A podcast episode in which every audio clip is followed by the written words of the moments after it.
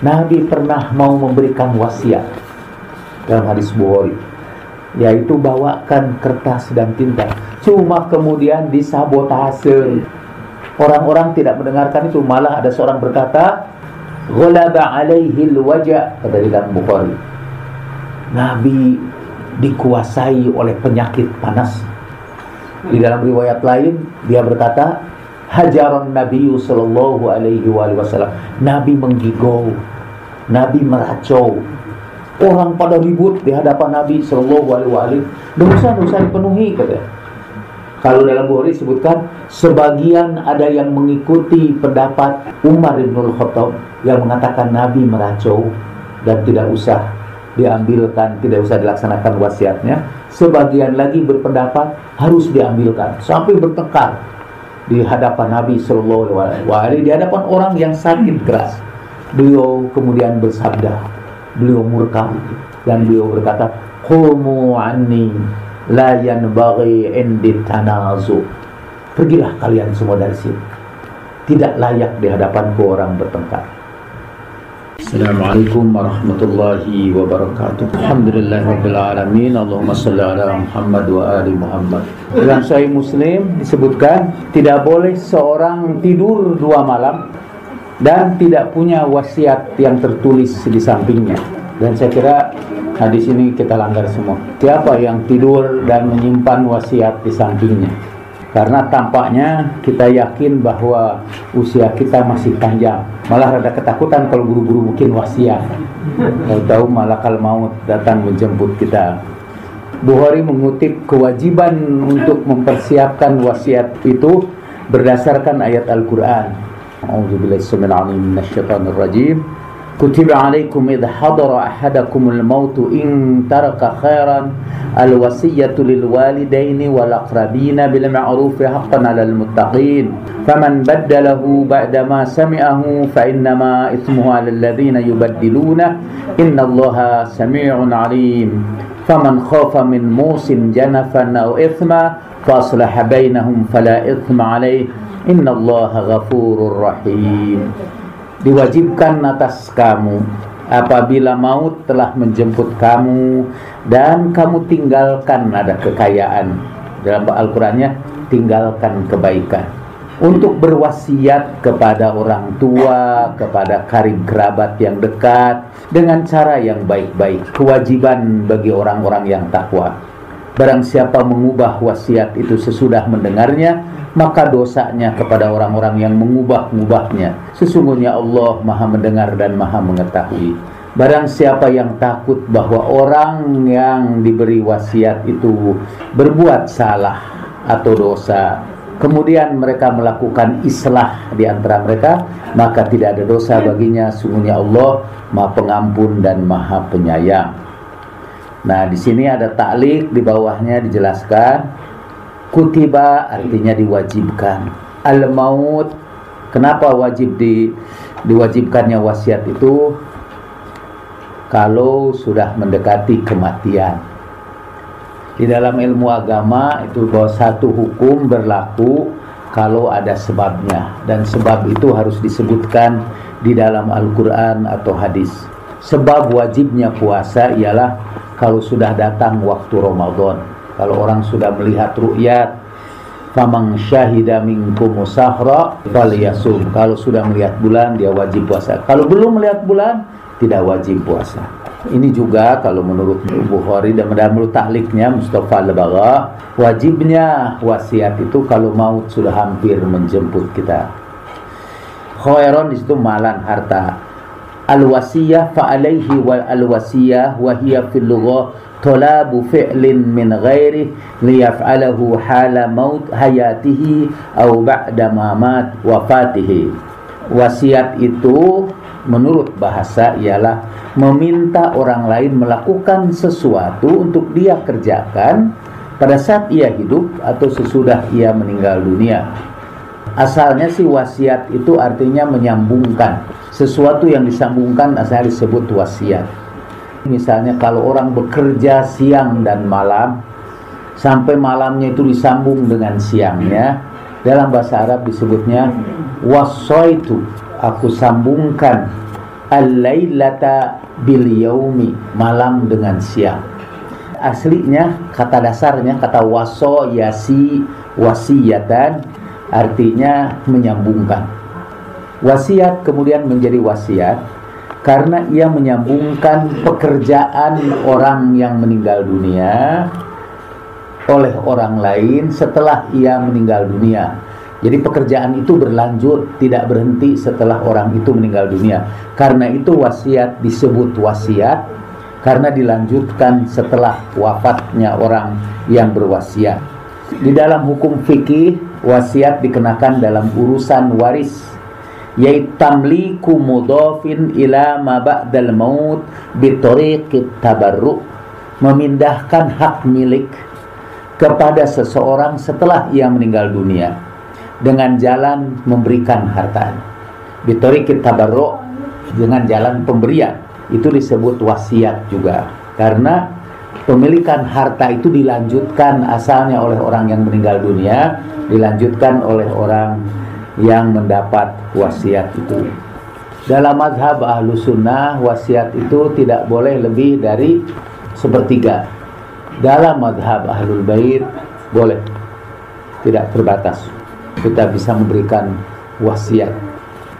Dan wasiat itu biasanya yang harus yang bisa membereskan persoalan perempuan mendapat warisan setengah dari laki-laki. Itu kalau ternyata laki-lakinya kemudian secara ekonomi semua makmur dan perempuannya menderita maka sebelum meninggal orang tuanya boleh berwasiat memberikan kepada perempuan itu hartanya sisanya itu dibagikan dan dia tetap mendapat bagian sebagaimana hukum waris kalau ada orang tua yang sok adil semua mau dibagi sama tanpa melanggar hukum syariat ia bisa memberikan wasiat dulu sehingga akhirnya bagiannya sama. Bil ma'ruf itu artinya dengan kasih sayang dan dengan kebaikan.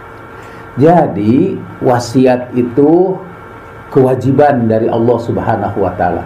Semua orang wajib berwasiat. Nah, sementara kaum muslimin itu dibagi dua. Satu mazhab yang kebetulan mayoritas berpendapat bahwa Nabi tidak meninggalkan wasiat siapa yang akan melanjutkan sepeninggalnya. Alasannya macam-macam. Satu, Nabi keburu meninggal dunia tidak sempat memberikan wasiat. Peneliti dari Itali, Leone Caetani, bahwa Nabi itu kematiannya Latina Estavicina, kata dia. Kematiannya itu begitu terburu-buru menyergap Nabi sehingga Nabi tidak sempat memberikan wasiat. Itu juga yang dijadikan alasan oleh Aisyah di dalam hadis Bukhari. Satu kelompok lagi berpendapat Nabi itu memberikan wasiat. Kalau punya harta saja harus berwasiat orang tua itu kepada keluarganya alal akrobain apalagi Nabi mempunyai satu misi yang harus dilanjutkan oleh pelanjutnya pastilah Nabi Shallallahu Alaihi memberikan wasiat. Ada dua kemungkinan. Nabi tidak memikirkan masa depan umat ini. Pokoknya umat ini mau baik, mau buruk, Nabi tidak peduli. Karena tugas beliau hanya ketika beliau hidup aja.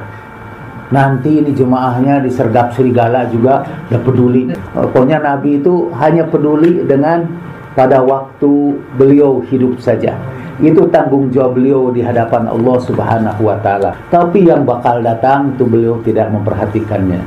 Itu satu pendapat. Satu lagi pendapat Nabi pasti peduli dengan masa depan. Kalau ada beberapa hal yang mengkhawatirkan Nabi.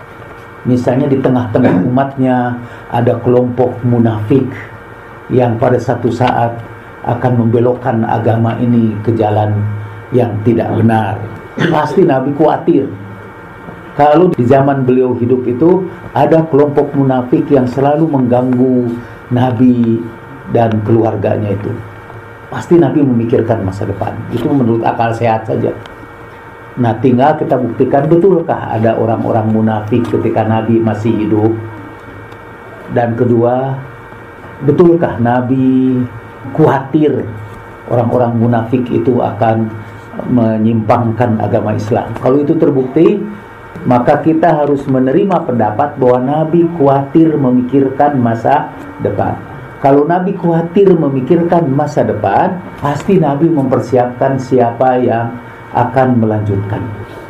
Saya sekarang lagi mikir juga, sekiranya saya meninggal dunia, saya harus memikirkan nasib ijabi itu di masa depan. Jadi gimana nih kalau saya tidak ada? Tapi saya harus pikirkan nasib ijabi di masa depan.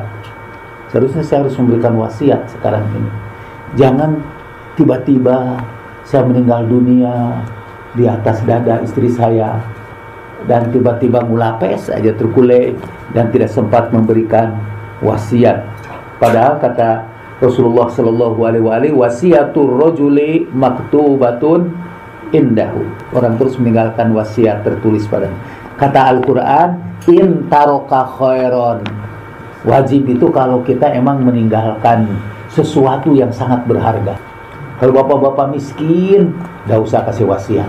Paling tidak bisa minta wasiat sama orang-orang. Ada yang mau memberi wasiat kepada saya, gitu. Intaroka khairon itu syarat kalau meninggalkan kebaikan. Kalau tidak, gak usah wasiat. Nah, saya meninggalkan khairon. Ada satu asumsi. Asumsi itu anggapan bahwa Nabi tidak peduli dengan masa depan umat itu. Tadi sudah kita bantah, gak mungkin Nabi tidak peduli. Karena pada zaman beliau hidup, sudah ada pengganggu-pengganggu dakwah beliau yang mengaku sebagai orang Islam.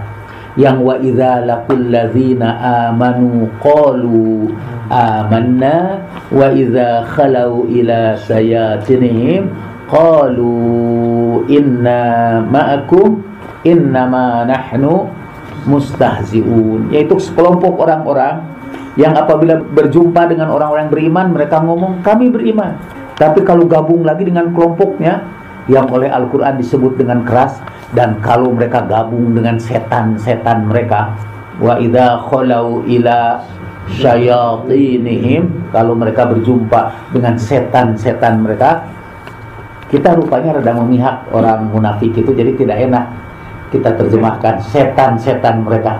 Sehingga dalam terjemahan Departemen Agama kalau ada yang punya nggak disebut setan-setan mereka istilah menggunakan orang munafik disebut setan-setan itu datang dari Al-Quran. Wa khalau ila syayatinihim kalau mereka berjumpa dengan setan-setan mereka qalu inna ma'akum. Mereka berkata kami gabung dengan kalian. Innama nahnu mustahzi'un. Tadi itu pura-pura Islam itu hanya untuk mencemoohkan aja, mengejek aja, mempermainkan mereka saja. Qalu innama nahnu mustahji'un. Ala innahum mustahzi'una walakin Allahu yastahzi'u bihim wa yamudduhum fi tughyanihim ya'mahun. Allah lah sebetulnya akan mempermainkan mereka dan akan menjerumuskan mereka dalam kesesatan mereka sambil mereka sendiri kebingungan di dalam kesesatan itu. Di zaman itu Nabi sudah melihat gejala orang-orang munafik itu.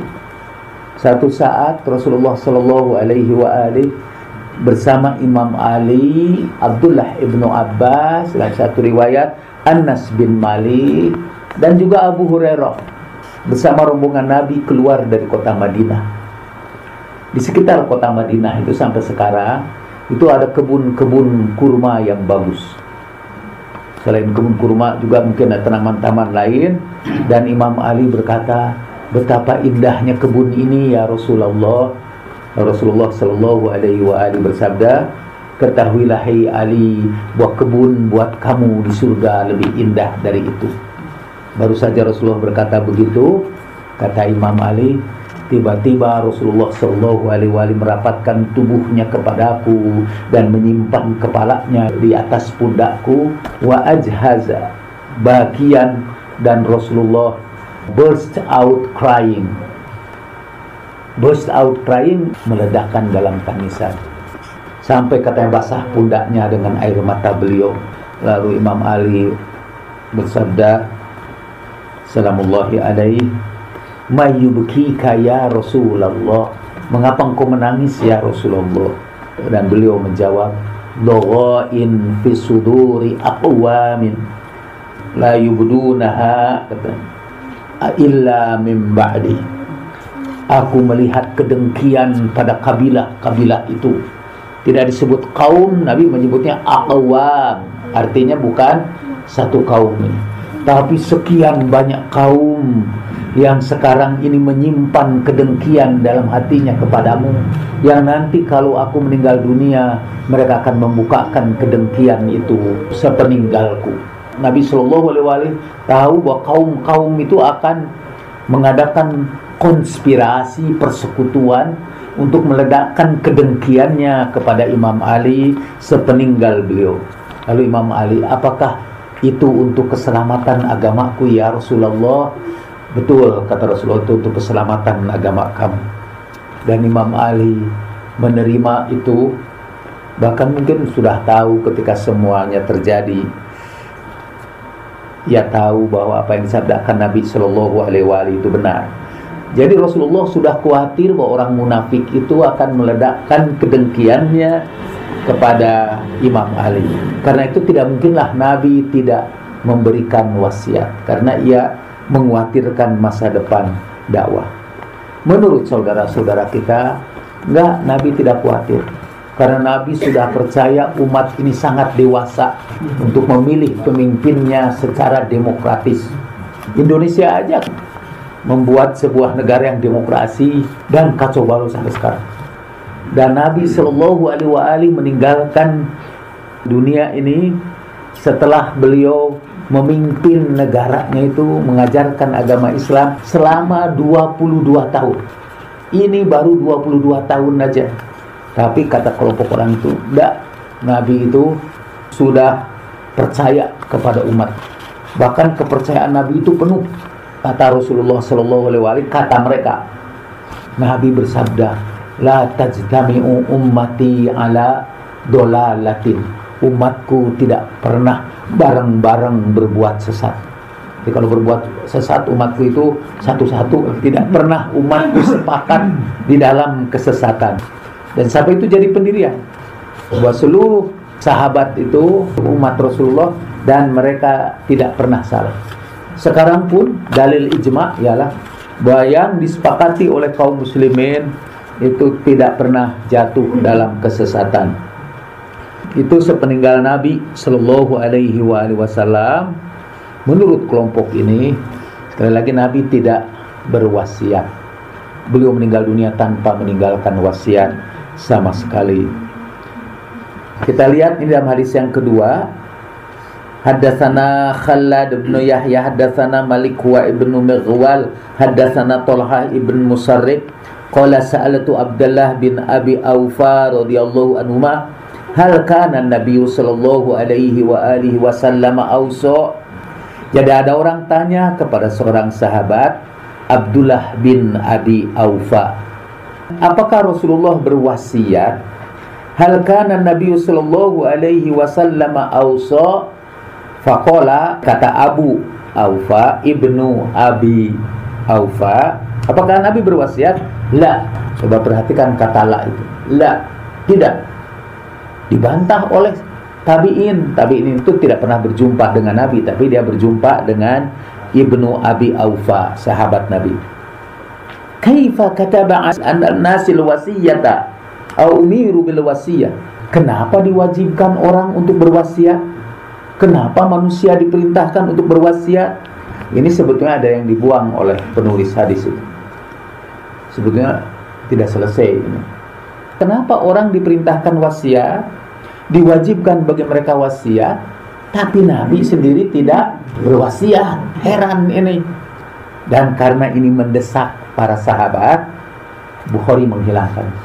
Pertanyaannya jadi tidak selesai. La, tidak. Kenapa diwajibkan kepada manusia wasiat atau diperintahkan untuk berwasiat? Tapi walaupun dibuang, kita juga udah tahu ini hubungannya konteksnya dengan hal kana Nabi sallallahu alaihi wasallam auso apakah Nabi berwasiat hanya ketika didesak begitu berkata qala auso bi kitabillah ia berwasiat juga supaya kita berpegang teguh pada kitabullah. Dan di sini dia menggeser arti wasiat. Wasiat itu ada dua. Satu menunjuk siapa khalifah sesudahnya. Menugaskan seseorang menjalankan sesuatu tolabu fi'lin min ghairi. Meminta orang untuk melakukan sesuatu. Jadi kalau saya meninggal dunia, saya bilang kepada anak-anak saya, saya titipkan kepada kalian SMA Mutahari. Saya titipkan kepada kalian Yayasan Mutahari. Itu harus dijalankan oleh mereka. Mereka harus menerima titipan dan tidak boleh memperjualbelikan Yayasan Mutahari itu. Tapi mereka bertanggung jawab.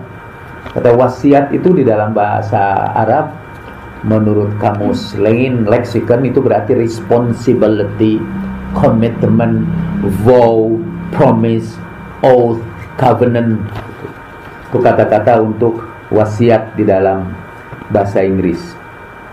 Satu lagi wasiat dalam arti seperti thesaurus bahasa Indonesia kalau kita buka kamus bahasa Indonesia. Lalu dalam kamus wasiat itu dalam bahasa Indonesia artinya advice, nasihat. Dan dalam Al-Qur'an emang ada wasiat yang dalam artinya dalam Al-Qur'an itu bukan hanya sekedar nasihat tapi perintah, perintah untuk dilakukan. Allah misalnya berwasiat supaya kita berbuat baik kepada orang tua. Kami wasiatkan manusia untuk berbuat baik kepada orang tuanya. Hamalathu ummuhu wahnan ala wahnin dan seterusnya. Wasiat di sini dalam arti nasihat yang sangat keras. Banyak kata waso dalam Al-Qur'an sehingga Abdullah ibnu Abbas pernah berkata bahwa wa qada rabbuka alla ta'budu illa iya wa qada itu asalnya wa wasso kata Ibnu Abbas yang nulis Quran itu jadi waktu menulis wasso wau sod ya artinya berwasiat Allah wasiatkan kepada kalian untuk berbuat baik kepada orang tua jadi wawasso rabbuka alla ta'budu illa iya. Nah, itu wawasso waw yang satunya itu nyambung dengan sod. Sod terus iya. Dan di zaman itu belum ada titik. Quran-Quran di zaman itu sampai zaman Imam Ali, Quran itu belum pakai titik-titik. Dalam huruf kufi yang tanpa titik-titik. Titik-titik kan itu jasa muridnya Imam Ali Abul Aswad Ad-Duwali. Dia memberikan titik-titik itu. Kalau kita tidak ada titik ini, pasti kita salah baca seluruhnya itu. Waktu diberi titik, wawaso itu jadi wakodo. Wawunya disimpan titik dua, sodnya dikasih titik di atas jadi wakodo rabbuka alla ta'budu illa iya. Jadi ya sampai sekarang kita baca wakodo rabbuka alla ta'budu illa iya. Artinya dan Allah sudah menentukan sudah menetapkan bahwa kamu ini harus berbuat baik kepada orang tua. Kata Abdullah bin Abbas, kalau ini sudah ketetapan Allah, sudah kodo Allah, tidak ada seorang pun yang durhaka kepada orang. Kalau dibaca kodo, kata Ibnu Abbas. Tapi sudah yang terpengaruh soal Ibnu Abbas ya. Buat saya tetap yang benar itu wakodo. Tapi kata Ibnu Abbas, kalau wawaso itu hanya wasiat aja, hanya perintah aja dan bukan ketentuan Allah. Karena Ibnu Abbas rupanya belum belajar pada ayatullah di Iran. Yang kata ayatullah di Iran, kodo Allah itu ada dua. Ada kodo tashri'i, ada kodo takwini. Buat kita, kodo juga macam-macam. Ada kodo sholat, ada kodo puasa, itu juga kodo. Dan rupanya Ibnu Abbas belum pernah belajar di dari orang Indonesia. Jadi Orang itu setelah terdesak kemudian menggeser arti wasiat yang artinya mewasiatkan Imam Ali sebagai khalifah. Ada komentar dari ahli hadis. Waso di sini memberikan wasiat di sini wasian mengangkat Ali sebagai wasi penerima wasiat ai alal khilafah maksud wasiat itu menunjuk Imam Ali sebagai khilafah ba'da Rasulullah Shallallahu Alaihi wa alihi Wasallam. Jadi Yang dimaksud wasiat apakah Rasulullah berwasiat? Tidak, kata Ibnu Abi Aufa. Apakah Rasulullah berwasiat? Tidak. Ketika didesak, masa Nabi tidak berwasiat? Pan ada perintah Al-Quran.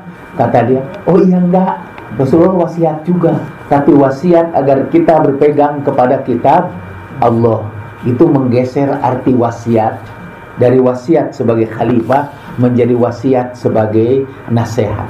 Itu juga udah dipotong. Karena sesungguhnya kitabullah wa itroti itu wasiat Nabi. Itu pun dipotong juga katanya auso bi. Dia berwasiat kepada kitab Allah. Kepada Aisyah ditanya juga telah bercerita kepada kami Amr bin Zurarah telah mengabarkan kepada kami Ismail dari Ibnu Aun, dari Ibrahim, dari Al-Aswad berkata, orang-orang menyebutkan di hadapan Aisyah. Jadi hadisnya zakaru inda Aisyah. Para sahabat Nabi menyebut-nyebut di depan Aisyah, zakaru inda Aisyah anna Aliyan radhiyallahu anhuma kana wasiyan. Bahwa Imam Ali itu adalah seorang penerima wasiat. Di dalam bahasa Arab, yang menerima wasiat disebut wasi. Yang menyampaikan wasiat disebut juga wasi. Dalam ilmu bahasa Arab itu disebut al-abdad. Dua kata yang artinya bertentangan, tapi satu kata satu kata artinya bertentangan dan berlaku untuk dua-duanya. Jadi wasi itu pemberi wasiat dan penerima wasiat. Ishtaro di dalam bahasa Arab berarti membeli juga berarti menjual. Karena kata kelakuannya sama. Membeli dan menjual itu hanya dari pihak mana aja. Jadi dua-duanya di dalam bahasa Arab disebut ishtaro. Alladzina yashtaruna bi ayatillahi zamanan qalila. Orang-orang yang menjual ayat-ayat Allah dengan harga sedikit, bisa juga orang yang membeli ayat-ayat Allah dengan dengan sedikit. Itu dalam bahasa Arab disebut al-abdad. Jadi kata-kata yang bertentangan. Ada satu kitabnya khusus. Ternyata ada ratusan kata-kata Arab yang artinya itu bertentangan. Sudah tidak usah mempelajari itu yang perlu sudah ketahui. Wasi itu artinya dua, penerima wasiat atau yang menyerahkan wasiat. Saya wasi dan anak-anak saya ausia karena jumlahnya lebih dari satu. Nah, orang-orang menyebutkan zakaru inda Aisyah, mereka menyebut di hadapan Aisyah, anna Aliyan radhiyallahu anhu kana wasil. Bahwa Imam Ali itu coba Bapak-bapak dan Ibu perhatikan. Anna Aliyan radhiyallahu anhuma semoga Allah meridhoi keduanya. Siapa dua itu? Di sini, dalam di sini an ibni Abbasin radhiyallahu anhuma kepada Abdullah ibnu Abbas radhiyallahu anhuma nya keduanya kepada siapa? Satu kepada Abbas, satu lagi kepada anaknya Abdullah karena dua-duanya sahabat. Jadi harus radhiyallahu anhuma. Kalau ini kepada siapa ini? Anna Aliyan radhiyallahu anhuma bahwa Ali semoga Allah meridhoi keduanya. Siapa dua? Hah? Bin Abi Thalib. Enggak, orang Sunni akan pernah menyebut radhiyallahu anhu kepada Abu Thalib karena dia kafir masuk neraka yang paling ringan Kepada Aisyah karena sebelumnya zakaru inda Aisyah anna Aliyan radhiyallahu anhu kana wasiyah bahwa Imam Ali itu adalah penerima wasiat. Di hadapan Aisyah mereka menyebut.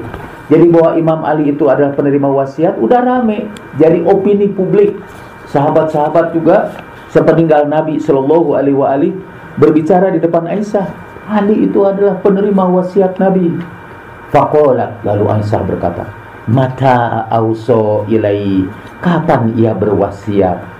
Waqad kuntu musnidatahu ila sodri Padahal aku menjadi sandarannya. Aku sandarkan Nabi ke dadaku Auqalat hajri Atau ia berkata pangkuanku. Fada'a bitosdi Kemudian Nabi meminta aku membawakan wadah falaqad in khanatha fi hajri dan Nabi ternyata sudah terkulai di pangkuanku dalam riwayat yang lain Aisyah mengatakannya baina sahri wa nahri jadi antara dadaku dengan leherku ketika Nabi terkulai Fama sya'artu annahu qad mata. Aku tidak sadar bahwa beliau sudah meninggal dunia. Famata auso ilai. Kapan ia berwasiat? Itu alasan Aisyah. Tidak, Nabi tidak pernah berwasiat. Kalau alasan Ibnu Abi Aufa apa? Nabi tidak berwasiat, tapi ketika didesak dia berkata, "Iya wasiat juga, tapi wasiatnya ialah berpegang kepada kitab Allah." Kalau Aisyah terus terang aja, tidak, tidak pernah berwasiat. Bagaimana dia berwasiat? Dia bersandar di dadaku, tiba-tiba terkulai meninggal dunia.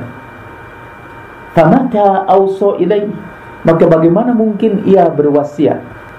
Sekiranya saya hadir di situ, kalau ia tidak berwasiat pada waktu itu, pasti ia sudah berwasiat juga sebelumnya. Masa karena Nabi menjelang meninggal dunia tidak berwasiat apa-apa, lalu dikatakanlah ia tidak berwasiat. Dalam Quran juga kalau maut menjemputnya dan kira-kira tiga hari sebelum beliau meninggal dunia beliau kumpulkan sahabat-sahabatnya di rumahnya. Dan beliau berkata uktuni bikir tosin wadawatin bawakan kepadaku kertas dan tinta. Aku lakum kitaban. Nanti aku tuliskan bagimu sebuah tulisan. Lan tadillu ba'di abada. Kalian tidak akan sesat selama-lamanya. Itu pasti itu mau menyampaikan bahwa kalau ada orang mati tiba-tiba saya mau meninggal dunia tolong bawakan pulpen. Saya akan tuliskan wasiat kepada kalian yang kalian tidak akan sesat selama-lamanya. Dalam keadaan sakit id ahadakumul maut. Itu maut sudah mau menjemput. Beliau belum memanggil menyuruh kepada sahabatnya bawakan tinta dan nanti aku tuliskan itu artinya Rasulullah juga mau berwasiat itu. Pada kata Aisyah pada waktu bersandar tiba-tiba beliau terpulai tidak sempat wasiat. Kalau kata si itu Leo Kaitani lafine estavicina. Maut itu datang dengan menyergap Nabi. Maut datang dengan cepat kata itu walhasil tidak harus waktu itu Nabi memberikan wasiat, pasti Nabi juga memberikan wasiat sebelumnya. Nabi pernah mau memberikan wasiat dalam hadis Bukhari, yaitu bawakan kertas dan tinta. Cuma kemudian disabotase. Orang-orang tidak mendengarkan itu, malah ada seorang berkata, "Ghalaba alaihi wajah," kata di dalam Bukhari. Nabi dikuasai oleh penyakit panas di dalam riwayat lain dia berkata, hajaran Nabi sallallahu alaihi wasallam. Nabi menggigau, Nabi meracau. Orang pada ribut di hadapan Nabi sallallahu alaihi wasallam. Dosa-dosa dipenuhi kata. Kalau dalam Bukhari disebutkan sebagian ada yang mengikuti pendapat Umar bin Khattab yang mengatakan Nabi meracau dan tidak usah diambilkan, tidak usah dilaksanakan wasiatnya. Sebagian lagi berpendapat harus diambilkan sampai bertengkar di hadapan Nabi Shallallahu Alaihi Wasallam, di hadapan orang yang sakit keras. Beliau kemudian bersabda, beliau murka dan beliau berkata, "Qumu anni la yanbaghi indi tanazu." Pergilah kalian semua dari sini. Tidak layak di hadapanku orang bertengkar. Saya kalau ingat ini antara sahabat ya dengan orang barat yang kafir banget itu kan. Orang Belanda dulu bikin peraturan. Kalau mau lewat rumah sakit itu ada tanda tidak boleh membunyikan klakson. Kalau mau rumah sakit tidak boleh membunyikan klakson. Sekarang ini aturan Belanda itu sudah tidak diikuti lagi. Mungkin karena kita mengikuti hadis Bukhari ini. Pegangan kita kan Bukhari, bukan aturan Belanda. Di Boromius itu waktu saya dirawat di Boromius, malam minggu itu uh pesta-pesta musik luar biasa nggak bisa tidur karena suara musiknya sangat keras aturan Belanda udah ada jalan lagi di Indonesia lambang itu tidak boleh membunyikan klakson dekat rumah sakit udah gak ada udah gak ada cabut kalau bisa Pak usulkan tempel hadis Bukhari kita ini sebagai sopan santun terhadap orang yang sakit ialah Kan kalau kita berkunjung pada orang sakit, kita diam. Tidak ada yang bicara. Dia menghormati orang sakit. Ini yang sakit itu bukan sembarang orang.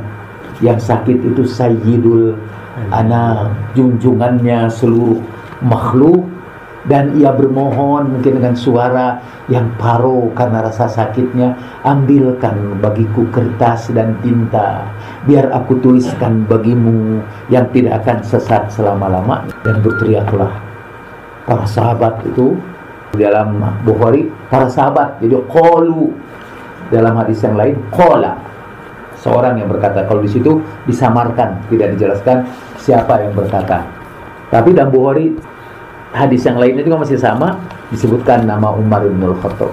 Jadi Nabi ternyata sudah berwasiat dan itu bukan satu kali aja, bukan menjelang meninggal aja.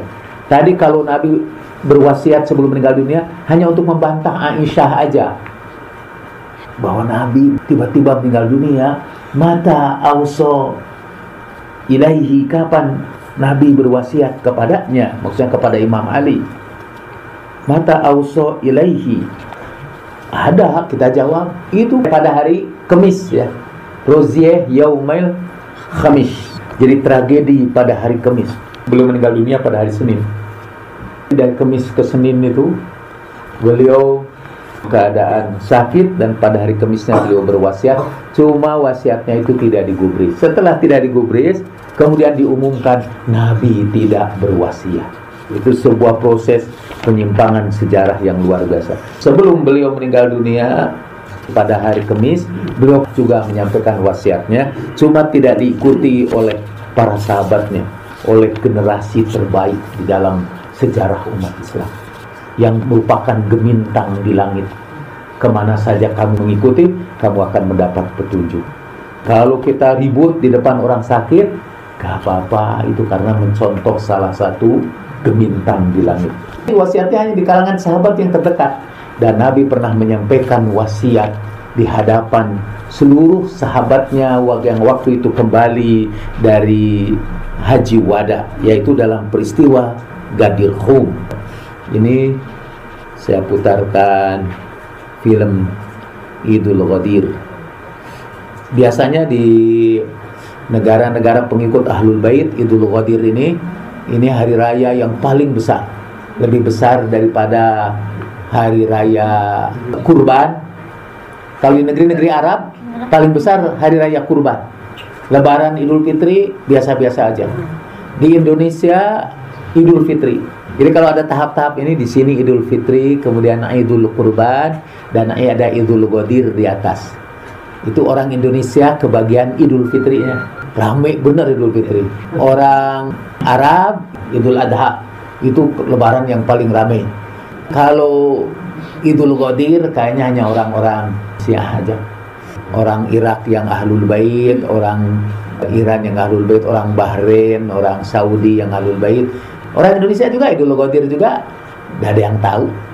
Pada acara Qadir Hum itu dinyanyikan lagu-lagu untuk Imam Ali. Peristiwa ini dicatat sebagai hadis Al-Ghadir dan diriwayatkan oleh ratusan para sahabat yang menyaksikan peristiwa ini. Mungkin malah ada jin juga yang ikut menyaksikan peristiwa ini. Nah, ada seorang ulama namanya Al-Amini mengumpulkan hadis-hadis tentang wasiat Nabi di Ghadir Khum itu mulai dari zaman sahabat dia kumpulkan lebih dari 100 sahabat periwayat hadis ini sangat banyak di antara para sahabat. Dan menurut saya inilah satu-satunya hadis mutawatir. Yang lainnya itu hadisnya itu ahad, semua ini mutawatir. Kemudian ia kumpulkan juga hadis-hadis tentang Idul Ghadir ini pada zaman tabi'in. Kemudian pada zaman tabi'in tabi'in. Ia kumpulkan juga puisi-puisi yang pernah dibuat orang. Lagu-lagu yang pernah digubah orang mengenai Idul Qadir. Terus catatan-catatan sejarah tentang Idul Qadir. Bukunya jadi 11 jilid. Konon menurut cerita, dia mengejar sebuah hadis dan dari mana sumbernya dia peneliti betul luar biasa. Jadi ketika dia biasanya mengistirahatkan dirinya beristirahat di taman sambil melakukan penelitian yang luar biasa. Ada satu kitab yang menjadi sumbernya disebut oleh orang lain, tetapi tidak diketemukan kitabnya itu nggak tahu di mana. Dia berdoa mudah-mudahan bisa menemukan kitabnya ini bercerita sih. Ketika duduk di situ itu dia selalu ditemani ada kucing gitu loh, dan dia sering ngomong sendiri. Satu saat kucing itu tidak ada dan di situ sudah duduk seseorang dan dia cerita bahwa kitab yang kamu cari itu ada di sebuah perpustakaan di Turki. Disebutkan kotaknya dan sebagainya. Dan dari mana kamu tahu? Jadi ketika kamu mengeluh itu aku tahu kamu. Aku dari bangsa jin kata dan aku sempat menyaksikan peristiwa Ghadir Hum itu. Gitu, namanya juga dongeng bisa menyaksikan peristiwa Ghadir Hum itu. Dan tahulah yang mencatat hadis Ghadir Hum itu berada di Turki itu. Jadi kata berkat bimbingan jin akhirnya dia ketemu juga kitab itu. Saya sekarang ini lagi mencari kitab Muhadzibul Ahkam yang mau di-download di internet tidak ketemu-ketemu. Ada juga ketemu ternyata tidak bisa di-download dan saya mau cari sumber-sumber tentang Muhadzibul Ahkam itu dari Ayatullah Sabsiwari. Saya berharap ada jin yang datang memberitahu dalam kitab At-Tabaqat Al-Kabir. Zikru man qala tuwfiya Rasulullah sallallahu alaihi wa alihi fi hajri Ali ibn Abi Talib. Sallallahu alaihi. Zikru man qala penyebutan tentang orang yang berkata ini akan diriwayatkan di sini hadis-hadis tentang orang yang berkata wafat Rasulullah Shallallahu Alaihi Wasallam pada pangkuan Ali bin Abi Thalib. Karena tadi kan riwayatnya Rasulullah meninggal pada pangkuan Aisyah. Akhbarona Muhammad bin Umar. Qala akhbarona Abdul Aziz bin Muhammad an Haram bin Uthman an Abi Hazim an Jabir bin Abdullah al-Ansari anna Ka'ab al-Akhbar qama zamana Umar فقال ونحن جلوس عند عمار عند عمار أمير المؤمنين. ما كان آخر ما تكلم به رسول الله صلى الله عليه وآله. فقال عمر سل عليا. قال أين هو؟ وهنا فسأله فقال علي أسنده إلى صدري. فوضع رأسه على منكبي. فقال الصلاة الصلاة. فقال كأب. كذلك آخر أهد الأنبياء وبه أميروا وعليه يبعثون. قال فمن غسله يا أمير المؤمنين؟ قال سل علي. قال فسأله فقال كنت أنا أغسله وكان عباس جالسا وكان أسامة وشكران وشكران itu sahabat yakhtalifani ilayya bil ma'i dari Jabir Al-Ansori bahwa Ka'ab Al-Ahbar itu seorang tabi'in yang masuk Islam di zaman Umar bin Khattab, seorang pendeta Yahudi. Ka'ab pendeta Yahudi itu berdiri pada zaman Umar bin Khattab. Kami sedang duduk di sekitar Umar Amiril Mukminin. Lalu Ka'ab bertanya, "Apa kalimat terakhir yang diucapkan Nabi Shallallahu alaihi wasallam?" Kata Umar, "Sal aliyan." Tanya Ali. Qala, dia berkata, "Aina huwa?" Di mana Ali? Qala huwa huna. Dia berada di sini. Fasa'alahu lalu Umar bertanya kepada Imam Ali. Faqala Aliyun. Jadi apa kalimat terakhir yang diucapkan Nabi sallallahu alaihi wasallam? Nah, ini Umar tidak berkata sal Aisyah. Tanya Aisyah. Kalau Aisyah itu orang yang terakhir uh, menyaksikan Nabi sallallahu alaihi wasallam, pasti ia mendengar kalimatnya yang terakhir. Kalau tanya sama Aisyah, kalimat yang terakhir ialah bawakan wadah, aku mau pipis. Itu emang betul, begitu. Menurut ceritanya kan minta dibawakan wadah, kemudian beliau yang mulia pipis di situ, gitu. Dan pada waktu pipis itulah beliau menghembuskan nafas yang terakhir. Itu dalam cerita Aisyah. Tapi kita dengar bagaimana cerita Imam Ali. Saya kalau melihat ceritanya saya lebih memihak Imam Ali bukan karena saya pengikut Imam Ali dan saudara pengikut Aisyah tapi karena ceritanya lebih ini lebih indah. Sal aliyan tanya ali aina huwa? Huwa huna. Fasalahu faqala aliyun asnadduhu ila sadri. Aku dekapkan dia ke dadaku. Fawadu'a ra'sahu ala mankibi. Lalu Rasulullah letakkan kepalanya yang mulia pada pundakku seperti ketika beliau menangis di atas pundak Imam Ali. Faqala dan ini pesan beliau yang terakhir kalimat terakhir. As-salata as-salata. Jagalah solat kalian jagalah solat kalian. Faqala Ka'ab kata Ka'ab kazalika akhiru ahdil anbiya. Emang di dalam Taurat juga begitulah katanya kalimat terakhir dari para nabi. Wabihi umiru wa alaihi yub'atsun dan untuk itulah para nabi diperintahkan dan di atas kalimat itulah mereka akan dibangkitkan. Kemudian ia bertanya lagi, "Faman ghassalahu ya Amirul Mukminin? Siapa yang memandikannya ya Amirul Mukminin?" Qala sal Aliyan. Tanya lagi Ali. Qala fasalahu. Bertanya kepada Imam Ali, faqala Imam Ali bersabda, "Kuntu ana ughassiluhu." Akulah yang memandikan beliau. Wa kana Abbas jalisan, Abbas duduk. Wa kana Umamah wa Syukran dan Umamah dan Syukran Syakran yakhtalifani ilayya bil ma. Mereka bergiliran mengambilkan air untuk memandikan Nabi sallallahu alaihi wa alihi dan ini ada banyak hadis yang lain bukan dari Imam Ali saja bukan dari Jabir Al-Ansari dari yang lain-lain yang akan kita bacakan pada pertemuan yang akan datang jadi kita lagi membahas dua versi. Satu versi Aisyah, Rasulullah meninggal pada pangkuan atau dadanya Aisyah dan di sini Rasulullah versi yang kedua meninggal pada pangkuan Imam Ali. Sampai di sini dulu ada pertanyaan. Kitab Tobaqat Ibn Sa'ad Al-Kabir bukunya ada 6 kalau saya tidak salah. Kalau beli di toko itu mahal bisa beli juga belum tentu bisa baca. Untung di sini kita dibawa membaca kitab ini langsung. Ini ngaji kitab kuning nih. Kitabnya malah kitab putih. Ibu ya. Iki kitab ya silakan. Dalam mazhab sunnah ayat tentang wasiat itu yang tadi itu sudah dihapus dengan ayat waris. Hukumnya sekarang tidak wajib lagi tapi sunnah karena sudah ada waris.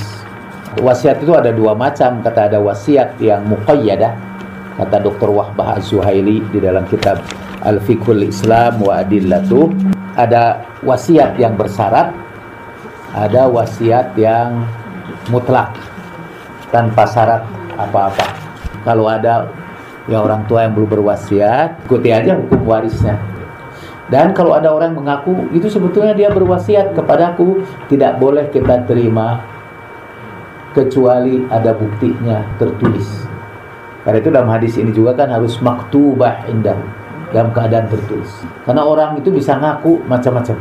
Saya juga setelah ibu saya meninggal dunia ada beberapa orang ngaku bahwa orang tua saya pernah berwasiat kepadanya untuk menyerahkan tanah di sekitar itu. Saya berkata, sampai dia boleh saya bilang saya penuhi nih. Tapi mana buktinya bahwa wasiat itu? Dia berkata dengan argumentasi piraku. Pirak akan teh sholat puasa haji piraku. Mereka bohong. Saya bilang tidak ada piraku. Apalagi urusan warisan urusan wasiat. Orang selain nggak bohong nggak bohong wenang. Supaya dapat harta begitu orang itu meninggal dunia, ahli warisnya berhak atas harta itu. Kalau dia kemudian ini karena anak-anaknya masih kecil, bolehlah dia itu mengurus. Tapi sifatnya hanya mengurus harta anak-anak anak yatim itu sampai dia dewasa.